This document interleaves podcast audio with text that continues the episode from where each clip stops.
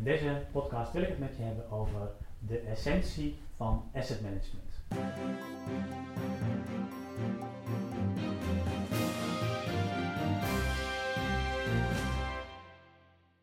Als je kijkt naar wat een corporatie allemaal doet en op welke manier een corporatie naar woningen kijkt, dan kun je op hoofdlijnen zeggen dat je dat doet vanuit ehm, een meer vastgoedperspectief, waarbij je echt kijkt naar de bouwtechnische kwaliteit van woningen.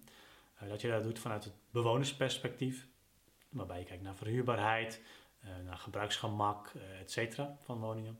En je kunt er naar kijken vanuit een financieel perspectief, waarbij je kijkt naar kosten, opbrengsten, uitgaven, rendement, et cetera.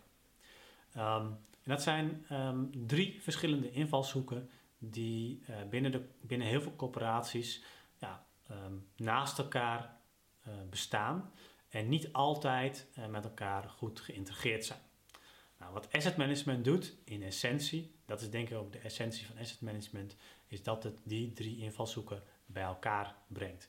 Dus asset management kijkt niet alleen maar vanuit de financiën, niet alleen maar vanuit de bouwtechniek en niet alleen maar vanuit de bewoners of de volkswestelijke opgave in je werkgebied, um, maar neemt al die drie zaken samen en komt dan tot een integraal oordeel.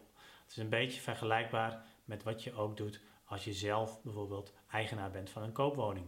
Ja, dan kijk je, als je dan moet besluiten over uh, of je al dan niet een dakkapel op je woning wilt zetten, dan kijk je ook niet alleen maar naar het financiële aspect.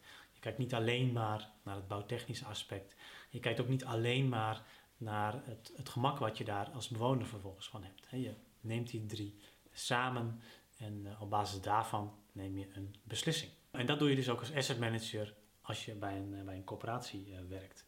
En asset management is echt gericht op het complex niveau. Dus echt op het tactische niveau van, van de aansturing van je woningvoorraad. Dus op complex niveau, op woningniveau, daar moeten die drie invalshoeken bij elkaar komen. En op die manier kun je op middellange termijn, 5, 10, 15 jaar, gaan bepalen welke maatregelen voor het complex van toepassing zijn. Nou, als dat de essentie is van asset management, dat er dus één iemand is, een asset manager, die integraal kijkt naar de complexen en op basis daarvan een beslissing neemt over wat er met dat complex moet gebeuren, dan betekent dat een heleboel dingen voor andere mensen in de corporatie. Dus als je iemand de rol van asset manager hebt gegeven binnen je corporatie, of je hebt er zelfs een speciale functie voor gecreëerd, dan is dat degene die, uh, die dus beslissingen neemt op complex niveau. En dat betekent voor um, stafmedewerkers, beleidsmedewerkers, betekent voor uh, managementteamleden dat ze op sommige vlakken misschien een stapje terug moeten doen. Uh, een voorbeeld daarvan is het huurbeleid. Als je kijkt naar het huurbeleid, dan zie je nu bij heel veel corporaties, misschien is het bij jouw corporatie ook wel zo, dat je in het huurbeleid een, een streefhuur vaststelt, die dus uiteindelijk ook, als je die doorvertaalt, op VAE-niveau bepaalt wat uiteindelijk de streefhuur uh, wordt. En als je een asset manager hebt die dus uiteindelijk integrale besluiten moet nemen over die woning, over dat woningcomplex, dan is dat niet meer the way to go. Dan zul je in je huurbeleid echt een stapje terug moeten doen.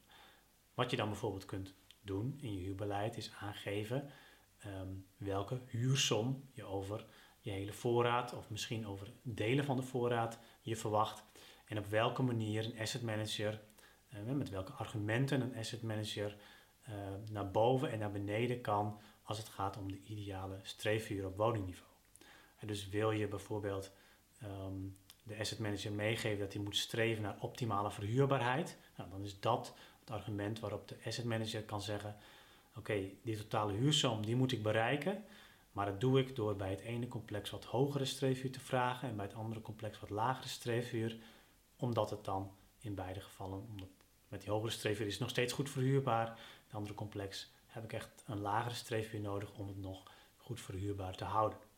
Dus op die manier kun je daar dan naar kijken. En dat betekent dus dat je in je huurbeleid als beleidsmaker of als manager echt even um, ja, op een, alleen nog op dat strategische niveau kunt sturen en niet meer je mag bemoeien met de, uh, met de woningen. Want dat is echt het domein van die asset manager.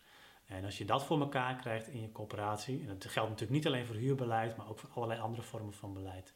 Uh, als je dat voor elkaar krijgt, ehm, enerzijds dat stapje terug doen als managementteam en, en, en, beleidsmakers. Ehm, je dus echt op strategisch niveau de kaders aangeven.